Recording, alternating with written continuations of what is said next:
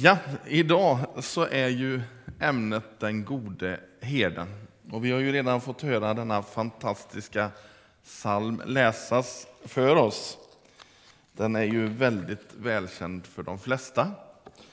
Eh, kanske är det den mest älskade salmen genom tiderna. Jag vet inte. När man var yngre kanske man inte riktigt fattade hur bra den är.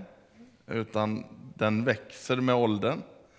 Och genom vissa tider kanske den blir så otroligt stark att man nästan bara läser den. Eh, vad är det som gör att den här salmen är så älskad, kan man fråga sig. Är det de fina orden? Är det de fina bilderna den målar upp? Nej, jag tror säkert att de har sin del i det hela. Men jag tror att många har fått uppleva att den är på riktigt. Att det inte bara är tomma ord. Ehm, jag tror att de här orden betyder någonting för oss här idag. Jag tänkte att vi skulle titta lite närmare på den här salmen idag. Och eh, jag tänkte vi skulle börja med Herren är min herde. Om man nu smakar på de här orden, Herren är min herde, så kan man smaka på dem på lite olika sätt. Och jag har valt att smaka på dem på fyra olika sätt. Och jag vill först säga, Herren är min herde. Herren är min herde. Herren är min herde. Herren är min herde. Fyra olika sätt att smaka på de orden. Herren är min herde. Vem är Herren? Det kanske är den mest relevanta frågan i det här. Eh, Herren är ju ett namn som man valde att kalla den som egentligen kallade sig själv för Jag är. När Mose möter Gud där i öknen, i den brinnande busken där inne vid bergen, så visar sig Gud som en, ja, en buske som inte brinner upp. Och han får där höra Gud tala till honom och så frågar han Gud, vem ska jag säga har sänt mig? Och då svarar Gud, jag är har sänt dig. Men man ansåg att det här var så heligt, det som Gud sa, så att man vågade inte säga det här ordet som Gud sa egentligen, jag är. Eh, man tror idag att det närmaste vi kommer det namnet är Javé. En del har översatt det med Jehova, men det är en kraftig felöversättning skulle man nog vilja säga. Men man, eh, man försökte på något sätt, eh, man ansåg att det var så heligt, så därför sa man Herren istället. Man hade en sån otrolig respekt för Gud. Herren i singularis. Herren. Han är Herren som är Herren. Inte ett gäng, inte vem som helst, utan Herren. Den enda Herren. Blir det krångligt nu eller? Underförstått när man säger att han är Herren så blir det ändå så att det är ju han som har koll på allting. Hans namn står över alla andra herrar, alla herravälden, ja, allt som är skapat. Jag skulle vilja säga att det finns en otrolig bekännelse i bara att säga Herren är min herde. Jag är, är min herde. Javé är min herde. Han som har skapat himmel och jord är min herde. Han som är början och slutet är min herde. Han som är sanningen är min herde. Han som är livet är min herde. Ja, jag kan hålla på så här. Herren är min herde. Punkt nummer två då. Herren är min herde. Jag hoppas att ni kommer ihåg de här orden sen, grabbar. Och jag har predikat om det. Jag kommer fråga det sen. Ja, det är bra. Herren är min herde. Här kommer återigen en bekännelse. Herren är min herde. Är. Jag låter honom vara min herde. Han är. Oavsett vad jag går igenom i livet så är han min herde.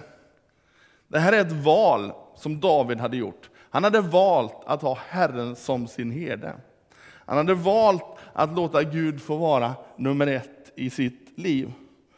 Och det är en pro proklamation av var vi står i livet.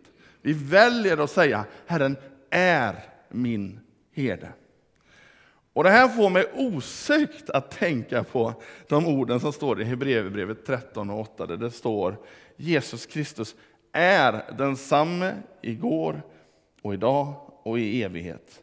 Jesus är igår. Han är idag och han är imorgon. Och nu säger den som är språkpolis här att nu pratar han goja där framme. Eh, men det är faktiskt så att det är precis så här man har skrivit i grundtexten. Det ska uppfattas så här, att han är då. Han är nu. Och han är imorgon. Han är inte bunden till tiden på det sättet som vi är. Ehm, Jesus är, jag är. Han är i vår dagtid. Eller dåtid menar jag. Han är i vår nutid och han är i vår framtid. Om vi låter honom vara det. Om vi ska gå på detta lite djupare nu, jag hoppas ni hänger med här nu, så är det så att vi säger väldigt ofta, nej, vi kan inte ändra det som har varit. Och det är sant. Så är det. Men vi kan släppa in Jesus i våra liv och släppa in honom i vår nutid. Men vi kan också släppa in honom i vår dåtid. Jag menar, nåden funkar ju för faktiskt någonting som har varit. Mina fel jag gjorde då kan jag få förlåtelse för nu. Vilket alltså innebär att Jesus går tillbaka och mer eller mindre raderar dem. Det är inte så att händelserna försvinner. Vi får lära oss någonting av det som hände. Men Jesus tar ändå bort det som var då. Eh, många människor bär på sår och bröte på det västgötska från förr. Alltså man går och bär på så mycket olika saker och detta gör att man kan inte vara fri. Man flyr från olika situationer där det börjar bli tajt eller börjar likna en viss situation, så vill man inte komma i den igen. Och man vill liksom inte, ja, man gör massa saker för att slippa hamna i det där dumheterna igen helt enkelt. Eh, men eh, jag tror att vi kan låta Jesus komma in i vår dåtid. Att låta hans nåd få skölja över den.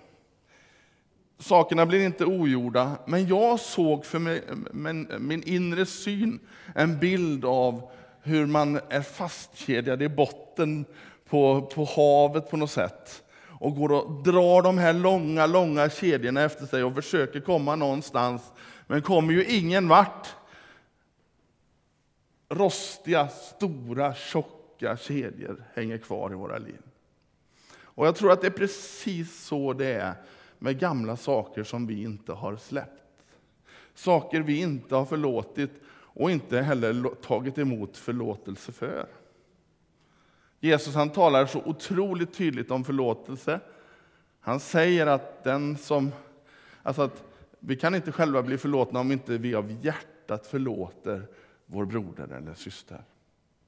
Jag tror att vi behöver överlämna vår dåtid, det som var en gång i tiden, till Jesus. Jesus, klipp av de här kedjorna. Eller klipp, det gör man ju inte riktigt, det är mer en vinkelslip eller något ännu värre som han får ta av allt det här. Och det är ju först då vi kan vara fria. När vi har släppt allt det där som var bakom. Allt det där som höll oss tillbaka. Vi kommer ju aldrig komma någon vart så länge vi sitter fast i de här kedjorna. Och det är så oförlåtelse funkar. Det är som kedjor på ditt och mitt liv. Jesus, han vill befria dig från de här kedjorna. Det som du gjorde fel, det som andra gjorde fel mot dig, det som oavsiktligt blev fel, men också det man kanske av dumdristighet gjorde i sin ungdom. Du kan få bli av med det. Du behöver inte bära det med dig. Låt oss ge våran dåtid till honom, men också det som är nu och det som kommer. Herren är min herde. Nu till det tredje punkten då. Herren är min herde. Vi är framme vid det tredje ordet i första versen och du ska inte behöva oroa dig att jag ska göra så här med hela salmen nu, utan vi kommer inte komma så långt. Jag vill att ni kommer ihåg de här orden. Herren är min herde. Det här är återigen en bekännelse, en proklamation. Han är min herde. Jag har valt. Han är min. Jag tillhör honom och han tillhör mig. Det är en ömsesidig överlåtelse. Det är som ett äktenskap. Allt mitt är ditt och allt ditt är mitt. Det är som ett förbund. Man har lämnat över allt och delar allt. Tänk att få kunna säga i dessa dagar, Herren är min herde. Ta med er det. Och nu den fjärde och sista punkten då. Kan ni gissa vad det är för något? Kan ni, vara, kan ni ana vilken punkt det är? Herren är min herde, såklart. Jag tror att de flesta av oss vet vad en herde är för någonting. Eh, självklart varierar bilden en del för oss. Eh, det här med herde är ju någonting som kommer genom Bibeln och pratas en hel del om genom alla år egentligen. Redan från början, ett av de tidigaste yrkena man kunde ha. Och eh, ja, det märkliga är att genom åren, genom Gamla Testamentet, så börjar man helt enkelt framåt slutet av Gamla Testamentet att förakta herdeyrket.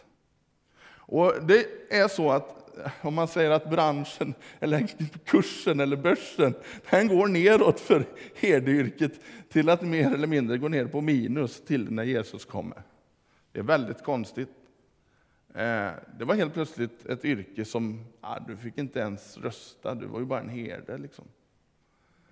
Eh, men det är ändå där som Gud kommer, till de här människorna som vi anser som minst värda. Så kommer änglarna och säger, Hörru, nu har Guds son fötts. Gå och berätta detta. Gå och se honom. Och så får de vara de första som får berätta. Och jag skulle vilja säga att i och med Jesus gör detta så återupprättar han herdeskapet. Helt plötsligt så blir det någonting som, ja, de ska helt enkelt leda Guds folk. Varför behöver vi en herde? Varför är han våran herde? Ja, jag tänker ganska direkt på de här välkända orden från Jesaja 53, där det står Vi gick alla vilse som får utan herde. Vi gick var och en vår egen väg. Jesus han kommer åter till det här gång på gång. Jesus han vill vara våran herde. Och vi ska läsa några riktigt goda ord om just detta med vad Jesus säger om herdeskap. Och vi ska gå till Johannes 10 och läsa från vers 1 och framåt.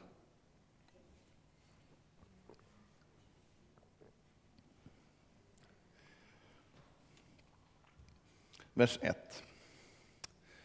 Jag säger er sanningen, den som går in i fårfållan genom porten, den som inte går in i fårfållan genom porten, utan tar sig in på ett annat håll, han är en tjuv och en rövare. Men den som går in genom porten är fårens herde. För honom öppnar portvakten och fåren lyssnar till hans röst. Han kallar på sina får och nämner dem vid namn och för ut dem. När han har fört ut alla sina får går han före dem och fåren följer honom eftersom de känner igen hans röst. Men en främling följer de inte utan flyr ifrån honom för att de inte känner igen främlingars röst. Denna liknelse berättade Jesus för dem, men de förstod inte vad han ville säga till dem. Då sa Jesus än en gång, jag säger er sanningen, jag är porten till fåren. Alla som har kommit före mig är tjuvar och rövare, men fåren har inte lyssnat till dem. Jag är porten, den som går in genom mig ska bli frälst, eller räddad.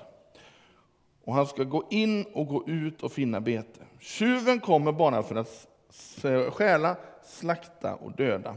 Jag har kommit för att de ska ha liv och liv i överflöd. Jag är den gode herden. Den gode herden ger sitt liv för fåren. Den som är lejd är inte Eh, är hed, ursäkta mig. Den som är lejd och inte är herden som äger fåren, han överger fåren och flyr när han ser vargen komma. Och vargen river dem och skingrar jorden. Den som är lejd bryr sig inte om fåren. Jag är den gode herden. Jag känner mina får och mina får känner mig. Liksom Fadern känner mig och jag känner Fadern. Och jag ger mitt liv för fåren. Jag har också andra får som inte hör till den här follan. Också dem måste jag leda. Och de kommer att lyssna till min röst. Så ska de bli en jord och en herde. Herden bryr sig om fåren. När jag alltså säger Herren är min herde, så väljer jag att gå in under hans herdeskap. Det är inte längre jag som bestämmer. Det är han som visar vägen. Det står ju att de går in i fårafållan, går in genom porten och ut för att finna bete. Det, det, var ju liksom som en, vi kan säga att det var som en stor ballong. Och så var det en port här. Och Jesus han är porten in till den här eh, stora fårfållan. Och så går de in genom porten och går ut i den. så att säga. Den var ju stor den här hagen. Eh, och där kunde de finna bete. Där kunde de leva sina liv i hans omsorg.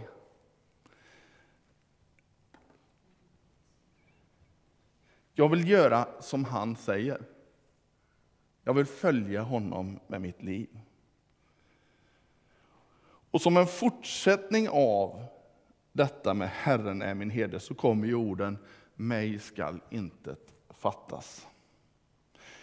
När jag går in i hans heders, eller under hans hederskap så kan jag vara trygg.